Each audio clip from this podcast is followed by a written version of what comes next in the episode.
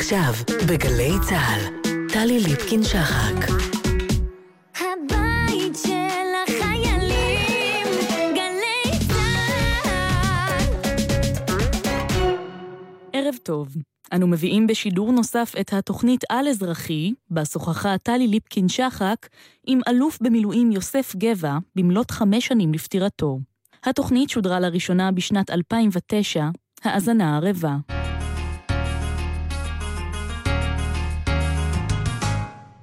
על אזרחי, טלי ליפקין-שחק בשיחה אישית עם מפקדים לשעבר על השירות, הפרישה והחיים שאחרי המדים. עורכת יעל צלמון.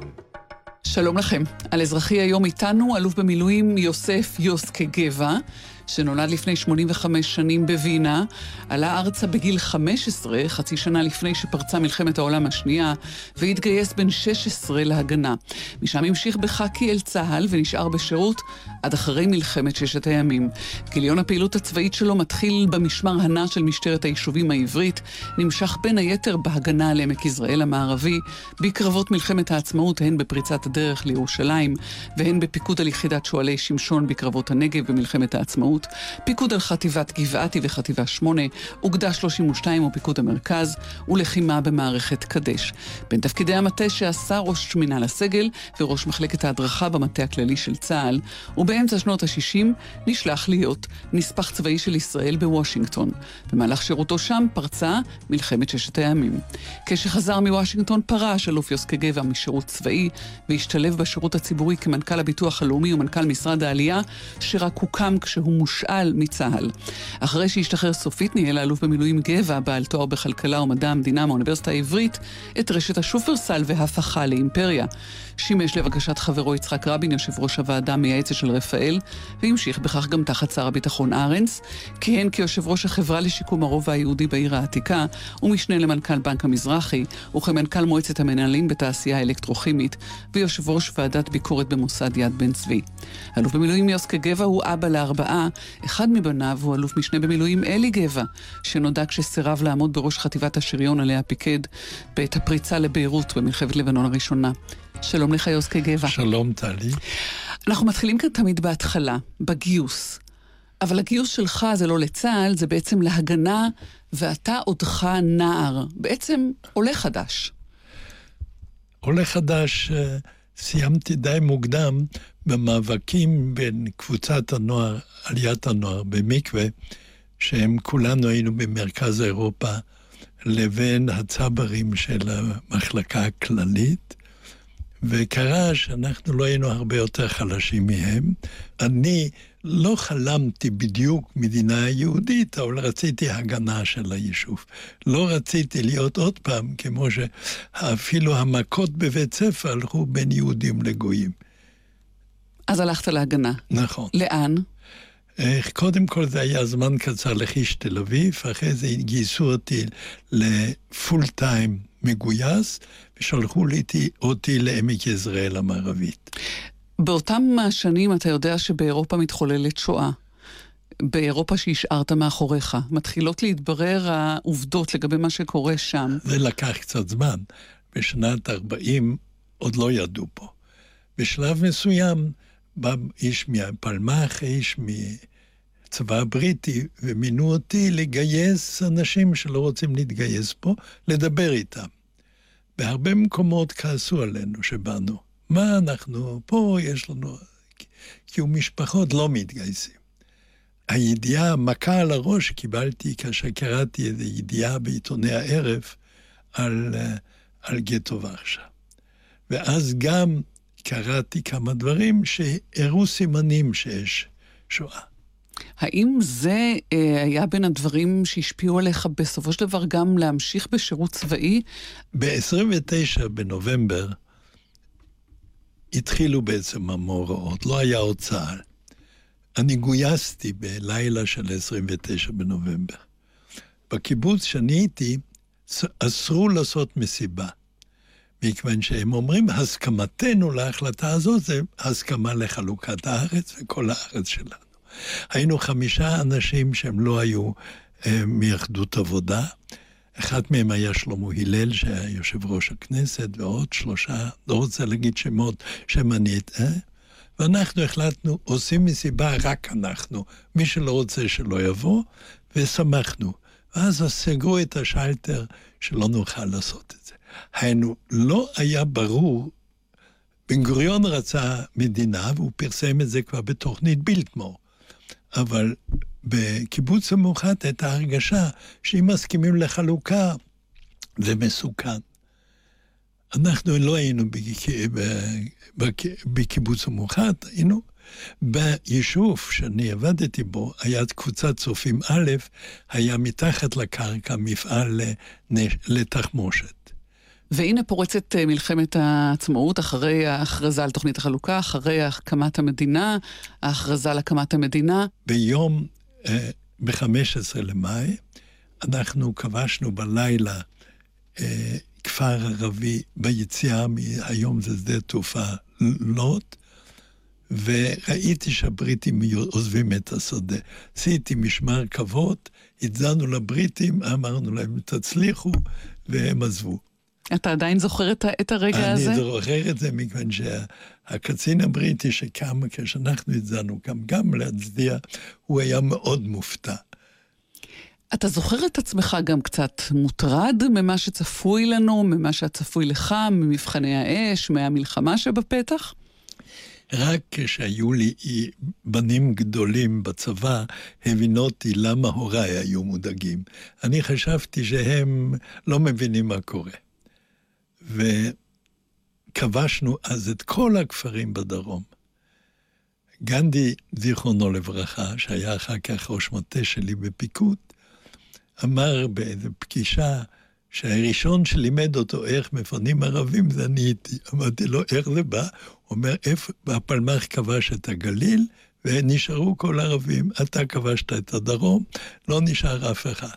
איך אתה מרגיש עם האמירה הזאת היום ממרחק הזמן? אני מרגיש לא טוב, אבל אני חושב, אני יכול להגיד לך אירוע. כבשנו בלילה את חוליק, לא את חוליקת, איזה יישוב ערבי, יישוב ערבי לא רחוק מנגבה.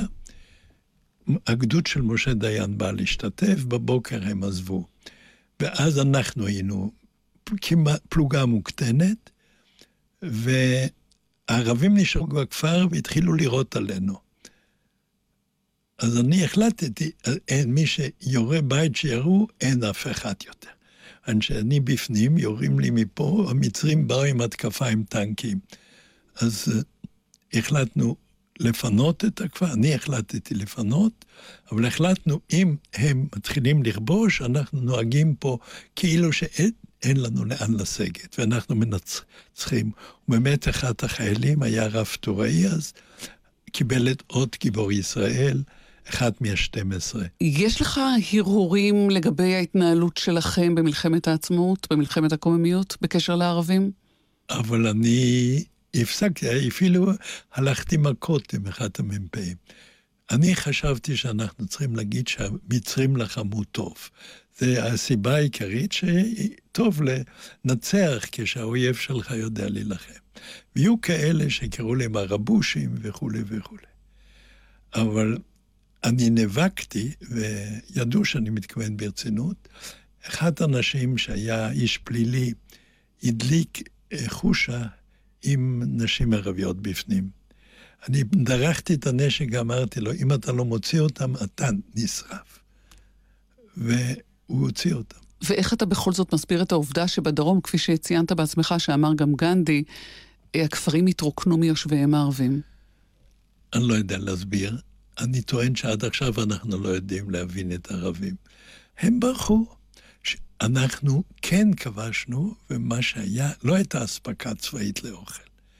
בכל מקום שהגענו, אל תספרי לרבנות הראשית, שחטנו תרנגולות ועשינו אותם על האש. וזה היה האוכל שלנו. עכשיו, אנחנו לא עשינו שחיטה בין ערבים, ולהשוות את הנכבה שלהם לשואה שלנו זה סתם שקר. אגיד משהו נוסף. הבריטים עשו לפני המלחמה, עקב הניסיון שלהם בפקיסטן והודו, ש-50 מיליון איש זזו ממקום למקום, המוסלמים לכיוון פקיסטן, ההינדים לכיוון מה שהיום הודו, והם החליטו שזה אסור שיקרה פה.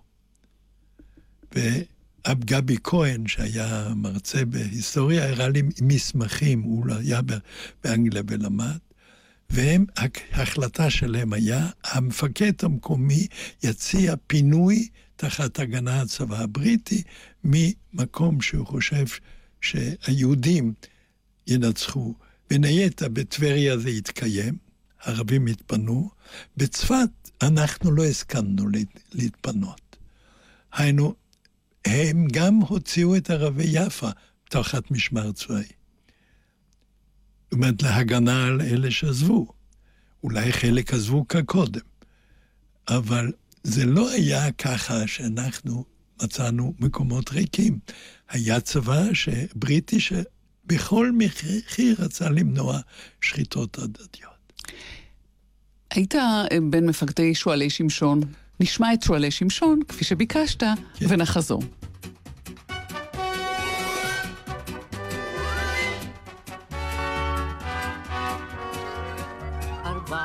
ארבעה על הג'יפ הדוהר, ובוקע השיר מן הלב, והשביל מתחתם מרקד ומזמר, זה השביל המוביל אל אויב. שועליו של שמשון, שוב פושטים במרחב, ונושאים השלהבת בליל. מעזה ועד גת, שוב נטו שזה הקרב לחירות ישראל. שועליו של שמשון, שוב פושטים במרחב, ונושאים השלהבת בליל. שועליו של שמשון. הם נוסעים ארבעה אל הקרב הגועש, מזמזמת בלט המכונה. העדש המקלע יורק את האש, אך האש ישנה לא שנה. שועליו של שמשון, שוב פושטים במרחב, ונושאים השלהבת בליל.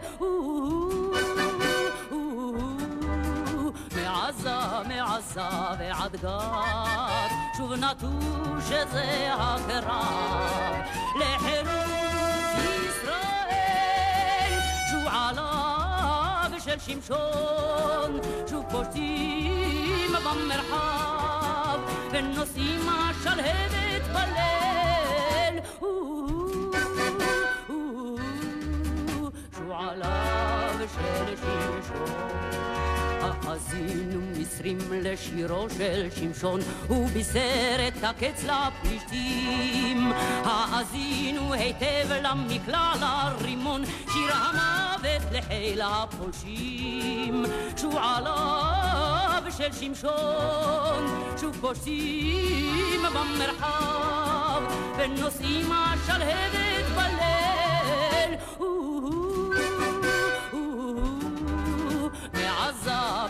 ועד גת, שוב נטו שזה הקרב לחירות ישראל. על אזרחי איתנו היום, אלוף במילואים יוסף יוסקה גבע. איזה סגנון פיקוד סיגלת לעצמך במהלך אה, קרבות מלחמת הקוממיות?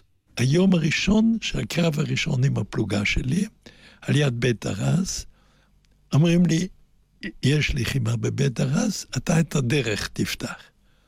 אני הולך פעם ראשונה עם הפלוגה, הם לא מכירים אותי, אני מכיר אותם. יש, מתחילים, פותחים באש עלינו, כנראה מערב. היו שני סמלים איתי, אמרתי, אתם רצים יחד איתי קדימה, זורקים רימונים, יורים עם הסטן, אין ערבים. מתברר שהסטנים לא ירו, והרימונים זרקו אותם עם הנצרה. הם בחרו, בפלוגה חשבו אותי לגיבור. החיילים, מכיוון שרצתי איתם, שני הסמלים היו אלף בסדר, אבל כל האחרים, שמעתי אחריי, לא רצו אחריי. אחרי שהצלחנו, הם שינו את היחס, בכל הכבוד. זאת אומרת, הנושא הזה של דוגמה אישית, אולי אוסיף, לקראת נחשון, היו כנראה כוחות עיראקים במחנות צבאיים, לא רחוק משם, לא רחוק מעמק איילון, ואני הייתי צריך לתקוף אותם, וכנראה היו עיראקים, והחלטתי שלא אפחד, אני לא נשכב, שכולם נשכבים, אני עומד. כדי שיראו שאני גיבור, לא הייתי גיבור, פחדתי מאוד, אבל כולם יראו שאני לא מפחד, לא נשכב. זה הוסיף לי הרבה אצל אנשים. אני רוצה להתקדם איתך אה, לשנים שאחרי המלחמה ולשנים שאתה ממשיך בצה"ל. למה לא השתחררת? רציתי, קודם כל, קודם כל אני, זה היום קשה להסביר, הייתי בן גוריוניסט מ, מראש עד סוף הרגליים. והוא אמר להישאר, הקיבוץ המאוחד אמר לעזוב, אני החלטתי להישאר. כשאדם עם הרקע שלך נשאר בצבא, זה כדי להיות רמטכ"ל בסוף? קיוויתי, לא בסוף. כשהייתי אלוף, קיוויתי להיות רמטכ"ל. ושיניתי את דעתי, את יודעת למה? למה? אחרי מלחמת יום הכיפורים, נתנו לי לקרוא כמה ישיבות, ממשלה. ובאחת מהן גולדה שואלת אם הצבא חושב שאפשר עם הצבא הסדיר להכיל את תקפה סורית ומצרית יחד. והתשובה הייתה כן של אנשי הצבא. עכשיו, הרי לא יכולנו, אז למה בכל זאת ענו? קודם כל, אי אפשר להסביר עשר שנים שאפשר, ופתאום שואלים אותך בפני שרים, מה זה, סתם שיקרת לממשלה? האמנת ככה. גם בהתחלה האמנו ככה שאפשר. בשביל להישאר אה, עם מלחמת הקוממיות ולשאול אותך על הקרבות של אותם הימים, יש איזה קרב שהוא טראומטי בשבילך, משהו שלקחת איתך אחר כך לתפקידים הבאים כלקח? כלקח לא, אבל כאסון, כן. אנחנו קיבלנו פקודה, היה תיאום שהאצ"ל ייכנס עם סיסמה בריטית למחנה, ידליק את הדלק שיש להם, ואני עם פלוגה שלי מושכים את האש אלינו, זה עד הלום, גשר עד הלום, אפשר לראות את זה, זה מקום מטופל. הפסדת, נהרגו ונפצעו קרוב ל-50 אחוז, אולי אפילו יותר, של חיילים שלנו. אני לא אשכח אף פעם שהעמסתי על גבי רב טורי יהודה נמס, אני זוכר את זה בגלל שזה היה טראומטי, ואני רואה שבהתחלה אני נשאתי אותו, אני הייתי יותר גבוה, יותר חזק ממנו, ואני לא יכול לסחוב אותו. הורדתי, או התברר לי שהפציעה שלו היה ששתי הרגליים נקטעו, ומשם יצא דם. אני הייתי גם כן מלא דם, סחבתי אותו על הגב. חייל אחר שלנו, של הפלוגה שלנו, בדרך חזרה, כנראה טראומה הייתה לו, והוא הלך ברגל לכיוון אחר. כבר ראיתי שאי אפשר לשלוח, מכיוון שבדיוק הלך אל המצרים. ביום הבא הוא היה, שאלתי אותו איך היה, הוא אומר, אמרו לו, לך מפה. אז הלכתי משם, והתאוששתי, מכיוון שבאמת לא ידעתי מה אני עושה. הוא חזר בשלום, לא ירו בו. למה גם הם לא ידעו מה עושה אחד כזה פה? היו בקרבות אה, אה, בדרום, במלחמת הקוממיות, היו אה, אה, רגעים קשים גם של אה, אה, כניעה. יישובים אה, שנכנעו, אה, אזרחים אה, שהלכו ל- לשבי. נכון. איך אתה זוכר את זה עובר עליך? אני חושב, אני, אני יודע שאני פה נכנס לסכסוך עם המפקד הגדוד שלי. אני הייתי קרוב מאוד עם חלק גדול של הפלוגה לניצנים. ולא ידעתי ולא סיפרו לי שיש התקפה על ניצנים. אם היה צריך לסייע ולהביא להם קצת נשק, יכולנו לעשות את זה. איש לא אמר לי שיש שם בכלל משהו. ביום הבא נודע לי שכבשו אותם והם הלכו לשבי. מה שקרה להם זה שובר לב.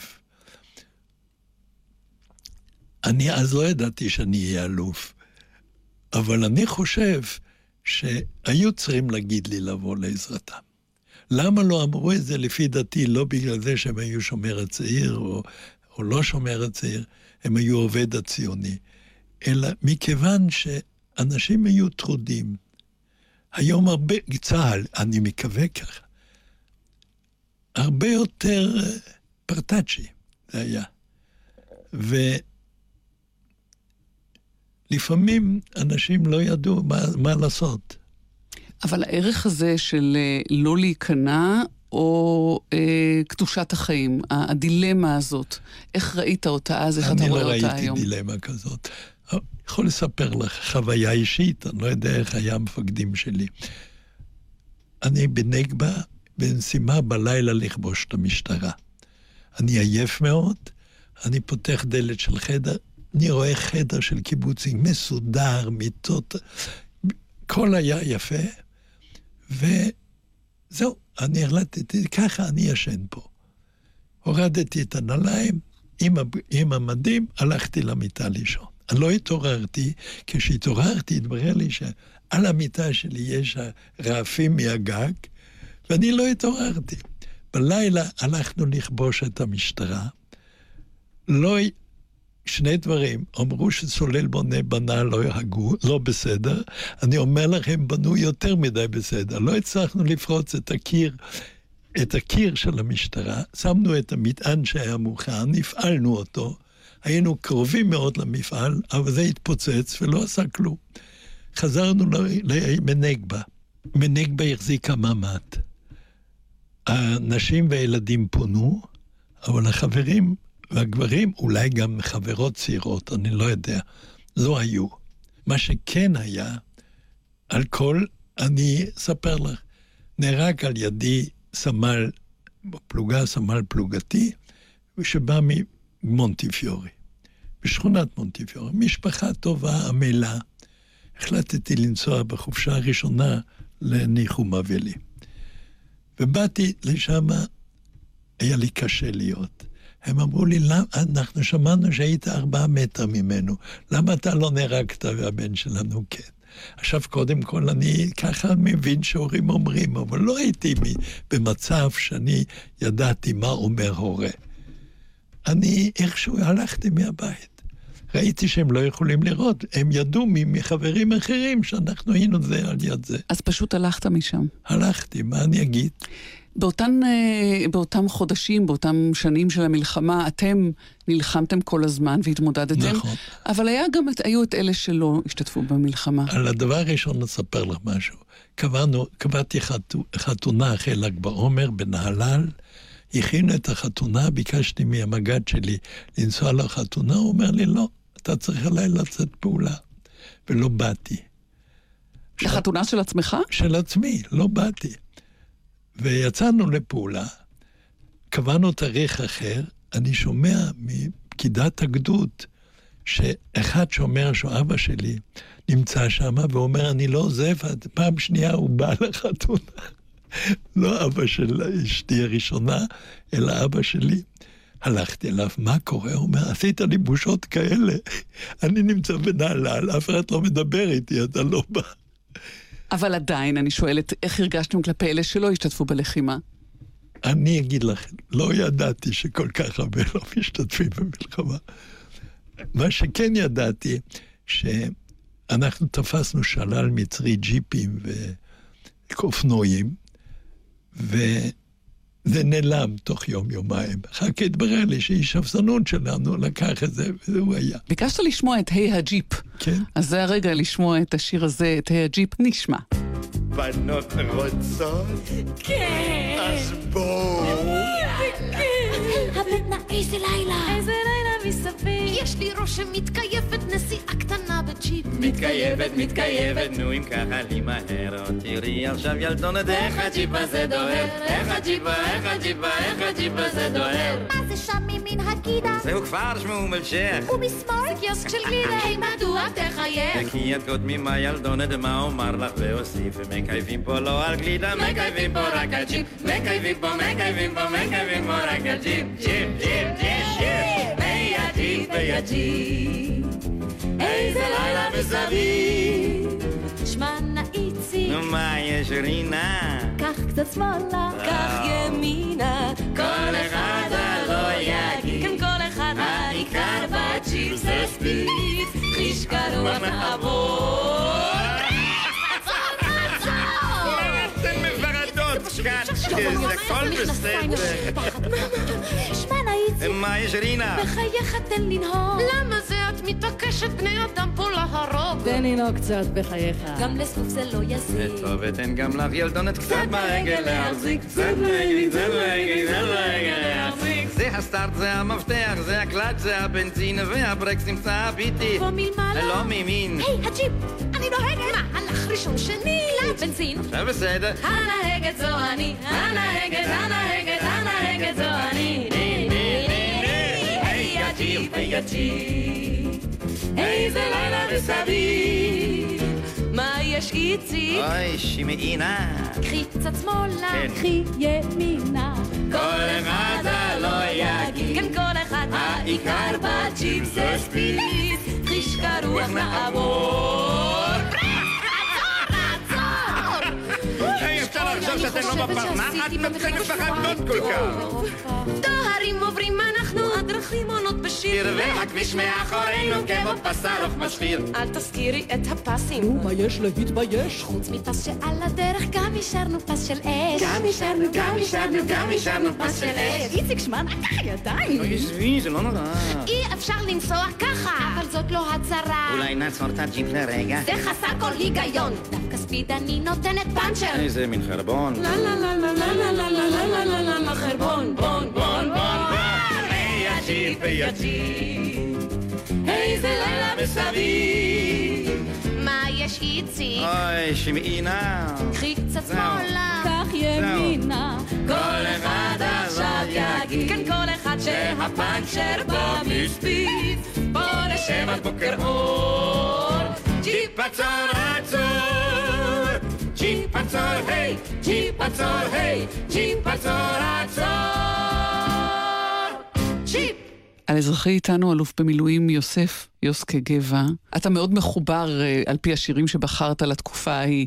היא התקופה הנוגעת לך ביותר בקריירה הצבאית שלך? קודם כל, כן, אבל כשאתה מזדקן ואתה מתבגר, אני יודע להסתכל על מלחמות אחרות. יש לי בן שהוא פצוע קשה מאוד. הוא לא רואה, יש לו פציעת ראש. אז אני תמיד אומר לעצמי, זה לא רק אלה שמתים, זה גם אלה של החיים ונושאים את הסבל אינסופי. עכשיו אני גם יודע שיש לי כלה שבשום אופן לא רוצה שהבן שלה יהיה ביחידה קרבית. מתברר שצה"ל, מכיוון שאבא שלו כל כך פצוע, לא היה מעוניין שיהיה ביחידה קרבית. יש לי נכד אחר שגמר לימודי רפואה ועוד מעט יתגייס כרופא צבאי. זאת אומרת, הוא מגויס. יש לי 16 נכדים. עכשיו, אני מבין היום יותר את. שאני ידעתי במלחמת כיום כיפור. שיש לי בן אחד בגולן ואחד בסיני, והודיעו לי שאחד מהם נפצע.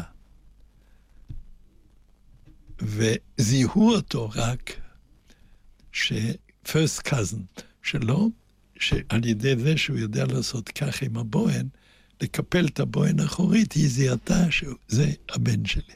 היא צלצלה לאשתי, והיא נסעה לתל השומר. והתברר לי שכל מה שקיוו, לא אם הוא יראה עוד את זה, אלא קודם כל שיחיה. והרופאים עשו מאמצים עילאיים, כיוון שהייתה לו גם פציעת ריאה וכולי. אבל כשנפגשתי איתו, פעם ראשונה בבית חולים, הוא אמר לי שלא, אני מקווה שלא הרגו את המצרי שירו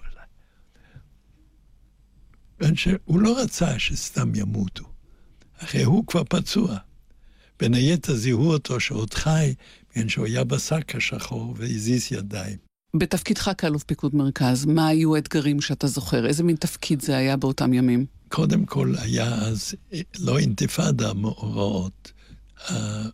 הכוחות הטרוריסטים, או איך שתקראי להם, ערבים תקפו כל יישוב בסביבת של פיקוד מרכז יום-יום. על איזה שנים אנחנו מדברים? אני הייתי אלוף פיקוד מ-60 עד 66. מה הרבה- קורה בשנים האלה שם? היו הרבה מאבקים עם ערבים. שאלת אותי קודם בקשר למוסר. פעם ראשונה שהייתה לי הרגשה בעייתית מוסרית, היה שקיבלתי הודעה, הכפריים באזור, מה שהיום נתניה, טול כרם, קלקיליה, מתכוונים לאסוף את היבול. וקיבלתי הוראה לירות עליהם. ממי קיבלת הוראה מ- כזאת? מהמפקדים שלי. ואני, ב- לא היה לי ספק שאני יורה עליהם, יריתי גם, למה? מכיוון שקיבלתי פקודה. אבל למה לירות בהם? כדי שיסתלקו, הם התכוונו לבוא לחזרה לכפרים שלהם. עכשיו, אני לא אומר שזה היה הומני. אני אומר, למה קיבלתי, אני הבינותי את זה. כיוון שעשינו גבול לא, לא רחוק מה, מהחוף. בשום אופן לא חשבנו שאפשר להסכים שהגבול יהיה עוד יותר צר. יריתי, הם הסתלקו ולא חזרו. עכשיו, עשיתי, עשיתי נכון או לא נכון? קודם כל נכון, מכיוון שזאת הייתה פקודה סבירה. סבירה שהגענו איזשהו דבר זה, לייצוב הקו. היית ראש אה, מחלקת הדרכה כן. ב- ב- במטכ"ל. זה שנים שבהן אה, בונים תורת לחימה, מ- נכון. מגבשים, מגדירים, נכון. מנסחים. עשיתי את זה, הייתה גם רצון לעשות חיסכון. אחת המשימות שלקחתי את עצמי לקצר קורסים. באמת עשיתי פה מהפכה. אני לא יודע אם זו הייתה מוצדקת, אני לא נשארתי... אמרתי, תותחן צריך קודם כל יהיה ללמוד לירות. את המתמטיקה יש מכשירים. אם הוא יודע לראות, יודע למדוד את מיקומו, זה צריך לעשות. ואותו הדבר בכמה יחידות. הצלחתי, ב, לפעמים בכוח, להוריד פרקים שאני חשבתי שהחיילים לא צריכים. מדברים היום על אה, תנאי משרתי הקבע, ב- כשמנסים לחסוך עכשיו בתקציב הביטחון. הייתה לכם דילמה איך להחזיק חיילים, אה, מפקדים טובים בצבא? כן, היה. וביקשו ממני להשפיע על דדו שיחזור לצבא, והוא חזר. ועוד כמה קצינים. איך שכנעת אותם? צריך, יש הכרח. אנחנו גם היינו חברים, ואמרתי, "הנה, אני נשארתי. אה, דווקא ראיתי, והיה לי התנגשות עם גולדה מאיר. אני לא הסתדרתי, היו לי כבר שני ילדים, המשכורת שלי כאלוף משנה לא הספיק לדברים המינימליים. ואני אמרתי, למה זה? אז אמרו לי, תיפגש עם גולדה, הייתה שרת עבודה והיא קבעה שכר. ואמרתי לה, אני לא מסכים לזה. אז היא הסבירה לי שבוועד הפועל, אה, המזכיר של ההסתדרות מקבל אותו הדבר כמו השוער. אמרתי, אז שאני אקבל את הטובות הנלוות כמוהו. מי המפקד שהשפיע עליך יותר מאחרים כשאתה חושב על שנותיך בצבא? יש שניים. אחד זה שמעון אבידן, שהכרתי אותו עוד לפני הצבא, וזה היה מפקד בלתי רגיל. הוא יכול היה להכניס לך רוח לוחמת, גם שהקול היה נמוך. והשני היה משה דיין. משה דיין היה לו יתרון אחד ששונה מרוב האנשים שאני מכיר, הוא חשב שונה מכולם. עכשיו, יש סכנה שעושים תורת לחימה ומלמדים אחד את השני, שאנשים הרי חושבים ככה.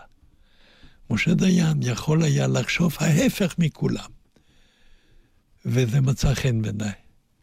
התקופה שלך בוושינגטון כנספח צה"ל בשנים שבתוכן מלחמת ששת הימים. נכון.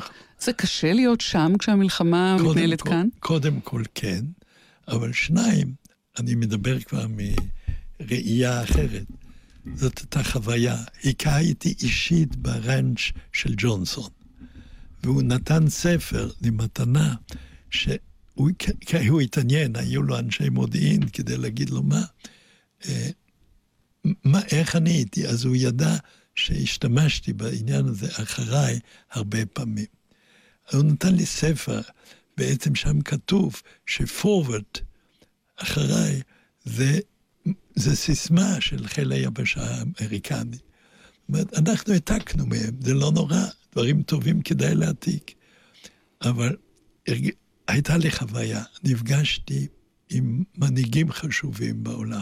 ובתקופת ההמתנה, כשכל המתח הזה מצטבר לקראת מה שיכול להיות האסון הגדול של מדינת ישראל הרכה. קיבלנו אספקה צבאית אמריקנית, כמעט כל מה שביקשנו. אני לא יודע איך היה הולך בלעדי זה, אבל אני מקווה שגם טוב. אבל היה לי אז פתיחות, הייתי פתאום בתוך דברים.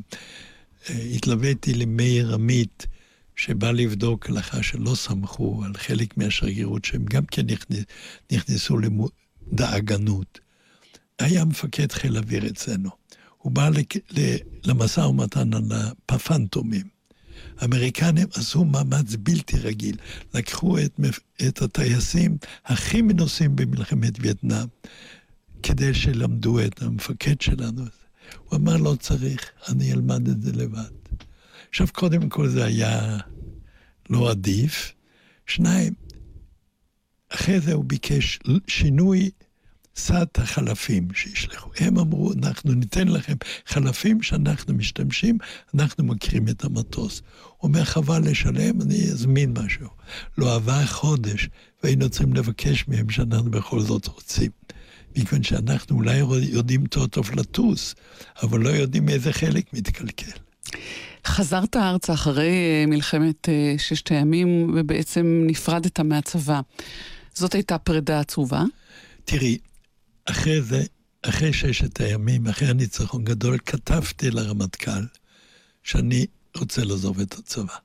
ואמרתי לו, אין לי העילה של הניצחון, ולכן שהבינותי שבעצם הגעתי לדרגה הכי גבוהה, אני רוצה לעזוב. הוא ענה לי, יש היגיון בדבריך, אבל אני, עוד יומיים קיבלתי מכתב מיגאל אלון. יגאל אלון היה שר העבודה, והוא הציע לי להיות מנהל הביטוח הלאומי. אמרתי, כן, אני מסכים. אבל אז עשיתי שני דברים. ביקשתי לראות את מנהל הביטוח הלאומי בארצות הברית, ובדרך ארצה נפגשתי עם, עם מנהלת הבריטית, שהיא הייתה סגן שר, או שרי ג'וניור, מיניסטר, על עניין הביטוח. אצל האמריקנים למדתי אצל המנהל דבר, הוא אומר לי, רשת כל שהמשרד שלך והמקום שלך יהיה צנוע, גם אם זה עולה פי שלוש. אתה מטפל בנושא שאנשים צריכים, אף אחד לא צריך לדעת שיש לך שירותים פרטיים. אל תשתמש בהם שיש אצלך מישהו. דבר שני, תדע לך, תבדוק פעם הכי עשירים אצלך, אם הם מקבלים ביטוח או לא, ותבדוק איזה מקום סביר שאין. ואז הוא אמר לי, אין, לא מקבלים ביטוח לאומי במיסיסיפי אם אתה כושי. וכן מקבל אה, רוזוולט, אה, לא רוזוולט, רוקפלר. אמרתי לו, איך זה הוא מקבל? הוא אומר לי, אה, הוא היה לו מחשוב כבר. תביאו לי את התיק של רוקפלר, הוא ידע את שם הפרטי שלו. ואחר כך תביא לי כמה סמית'. אמר לי, סמית' זה כושי עני. כושי זה לא בסדר להגיד ככה. אדם שחור עני. אה, ובאמת, כל הרוקפלר מעל גיל קיבלו ביטוח לאומי, זקנה. הוא אמר לי, אז שאלתי אותו למה זה חשוב, הוא אומר, תדע קודם כל שכל האנשים העניים במיסיסיפי יקבלו, ותבדקו חזק את אלה שאתם מניחים בלי לדעת שהם יש להם הרבה. אם צריך לקצץ, תקצץ לעשירים. זה היה בארצות הברית. באנגליה נפגשתי עם אישה יפייפייה, שהייתה מנהלת הביטוח לאומי, והייתה מאוד פתוחה. אמר לי, כל שנה מנסים להוריד, לא מצליחים, אני אמנם ג'וניור מיניסטר, אבל אני עומד על הדברים האלה וזה עובד. אבל היא אמרה לי, אני נוהגת בחיים האישיים שלי הכי צנוע אפשרי. אני אצא מהתפקיד, היא אמרה מילה לא יפה, ואני אחיה הלאה כמו שאני אוהבת לחיות. אז עם התובנה הזאת אה, באת ארצה לתפקיד אה, מנהל הביטוח הלאומי ומצאת את עצמך מנהל ה... מנהל משרד הקליטה. ביקשת, אלוף אה, במילואים יוסקה גבע, לשמוע את שושנה שושנה. מה יש בשיר הזה שמזכיר לך? יש הקפיטן יוסקה, ויש שושנה שהייתה אשתי הראשונה. נשמע.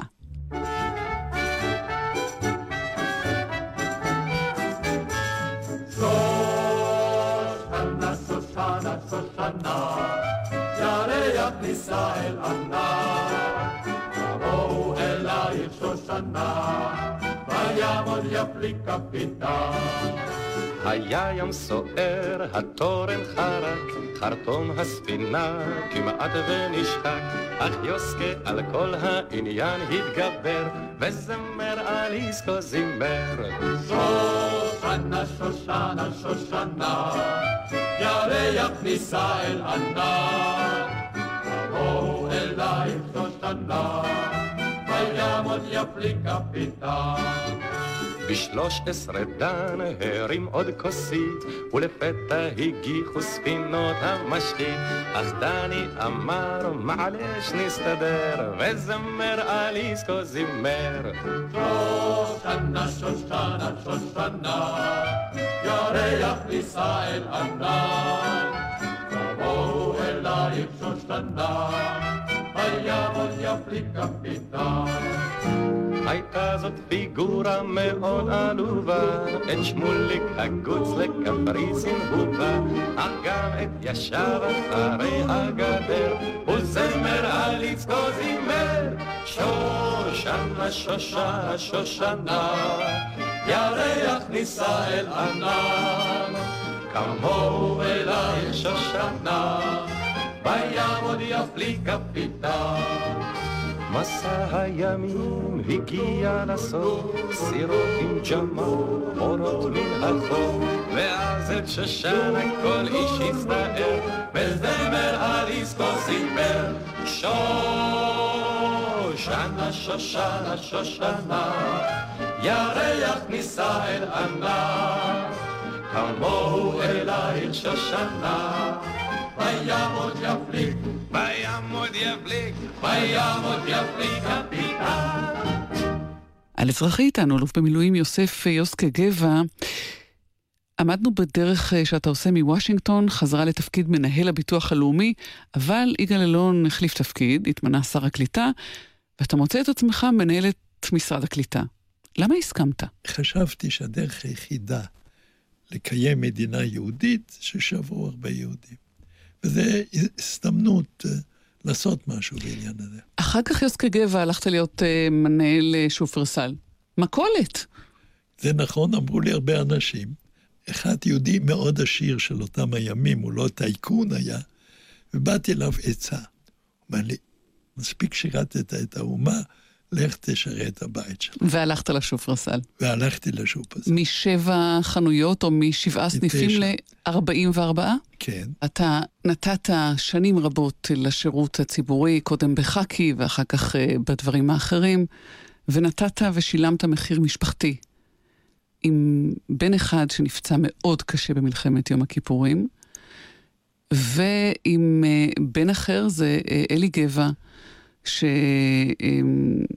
בו כתם, משום שסירב לעמוד בראש חטיבת השריון שלו כמח"ט במלחמת לבנון הראשונה בפריצה לביירות. איך אתה הרגשת עם זה? אתה שמקדש את ערך האחריי, כשהבן שלך בחר לקבל החלטה כזאת. אני אתחיל קצת קודם. הייתי אצל טליק, אנחנו היינו ידידים ואני מקווה שנשארנו, והוא מקבל ידיעה שזה התוכנית של הבן שלי. הוא מצלצל לאריק שרון ואומר לו, לפני שהוא עושה את זה, דבר איתו. הוא הזמין את אלי. עכשיו, אני לא הייתי במקומות האלה, אני יודע ממה שסיפרו לי. ואריק אמר שצריך, אבל יותר טוב, הוא אמר לו, דבר עם הרמטכ"ל.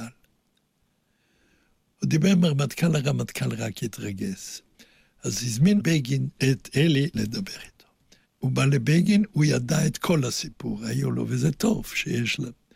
הוא שאל אותו, בעצם, למה אתה חושב שאתה יותר טוב מהרמטכ"ל? אמר לו, אלי, אני חושב שאני טוב, לפחות בעניין הזה אני טוב. אני יודע להוביל חטיבת שריון, ופה נכנסים לרחובות של עיר גדולה, עם טנקים מרכבה. אני לא יכול לעשות אפילו סיבוב. בגין שאל אותו שאלה לא טיפשית, אפילו חכמה. שאל אותו, אתה מעריך את הרמטכ"ל או לא? אמר לו, אלי, לא. ואז הוא אומר לי, אז לאלי אתה לא יכול לשרת בצה"ל אם אתה לא מעריך את הרמטכ"ל. אלי נפרד וניסה לנסוע ליחידה. בדרך תפסו אותו, אמרו לו, אתה נוסע הביתה, לוקחים ממך, לוקחים ממנו את הנשק, את הג'יפ, תישאר בבית עד שיקראו לו. אחרי זה הלכו כמה קצינים חשובים והפיצו שקרים, מה שהוא סירב וכולי, זה היה לא נכון. מתי וכמה אתה היית מעורב במה שעבר על, על, על אלי בתקופה הזאת? הוא שיתף הייתי אותך? הייתי מעודכן. לא רק מאלי, הייתי מעודכן מכמה קצינים. ומה זה עשה לך? לא התפלצת שזה עובר עליו? על הבן שלך? אני מאוד, מאוד כאב לי. אבל כת... השבוע במקרה הלכתי לשרוף המון ניירות. ומצאתי נייר, באבן או מישהו אחר היה יושב ראש ועדת חוץ וביטחון. ושמעתי שאף אחד מאנשים שכאילו קרובים לי בפוליט... בהשקפה פוליטית, לא קם להגיד מילה טובה על אלה. כאשר כמעט כל אלה שהיו עם רפול בעד לעשות סדר עם הפלסטינים, דיברו נגד אלה. זאת לא היה אף חבר כנסת, ומצאתי את המכתב שכתבתי לאבא אבן בעניין הזה, כתבתי לו, איך זה קורה שאתה לא אומר מילה? אני ידעתי את דעתו. כאב לי יותר המלחמה שנמשכה נגדו הרבה שנים. אומרת, סגרו בפניו מקומות עבודה וכולי. הוא... זה נקמת, אמרתי לבן אחר שלי, אל תיכנס למלחמות עם פוליטיקאים. הם יודעים לחסל אותך לא בירי, אלא לחתוך חתיכה אחרי חתיכה. יוסקי, יש משהו שאתה מתחרט עליו בכל שנות העשייה שלך? שהיית עושה אחרת? אני לא מתחרט על שום דבר. אם עשיתי הכל מאה אחוז בסדר, לא. Uh, סיפור. שבועיים אני אלוף פיקוד מרכז, מודים לי בטלפון שבן גוריון בא אליי. אני עוד לא יושב טוב בכיסא.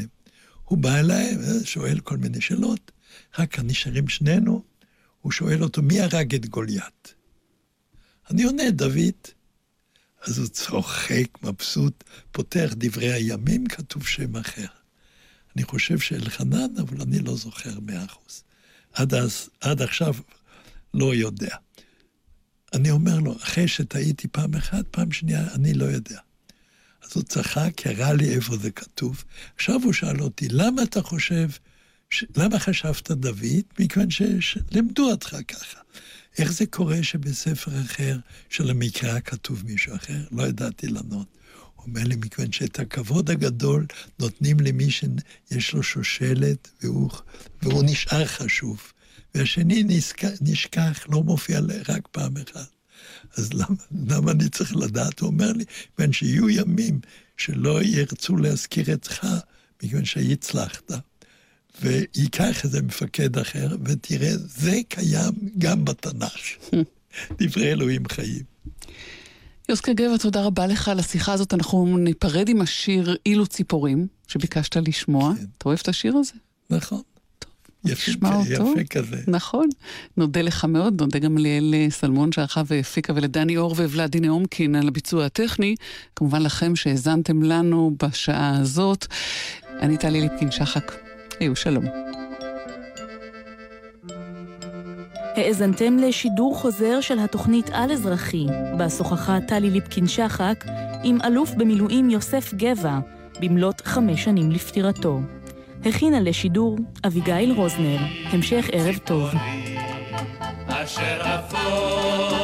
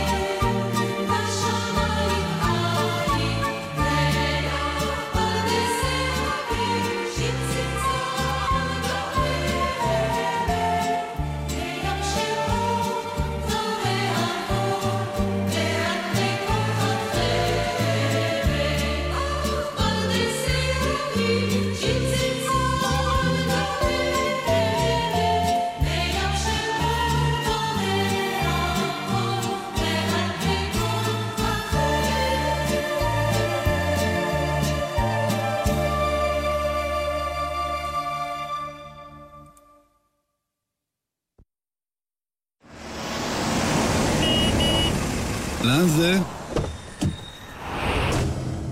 אף פעם לא תדעי איך תיגמר הנסיעה. חיילת,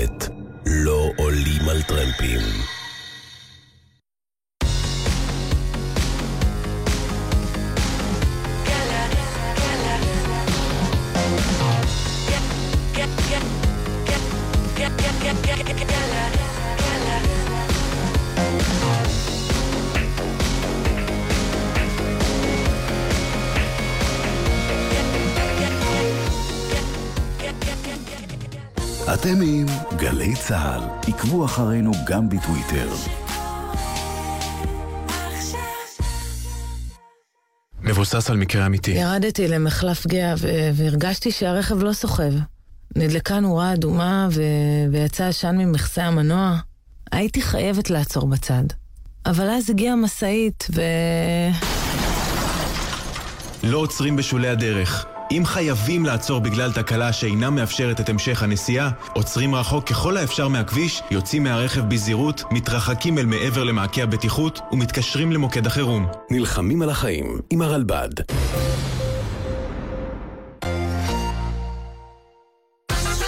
התקווה 6 במופע חדש. הלהיטים הגדולים והשירים החדשים לראשונה על הבמה. אצלי יורד גשם, גשם, גשם.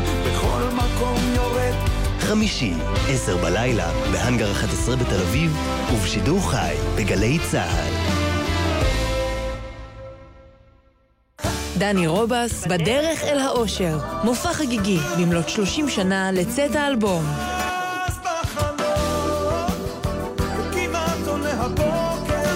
רביעי, תשע בערב, בהיכל התרבות בתל אביב, ובשידור חי בגלי צה"ל.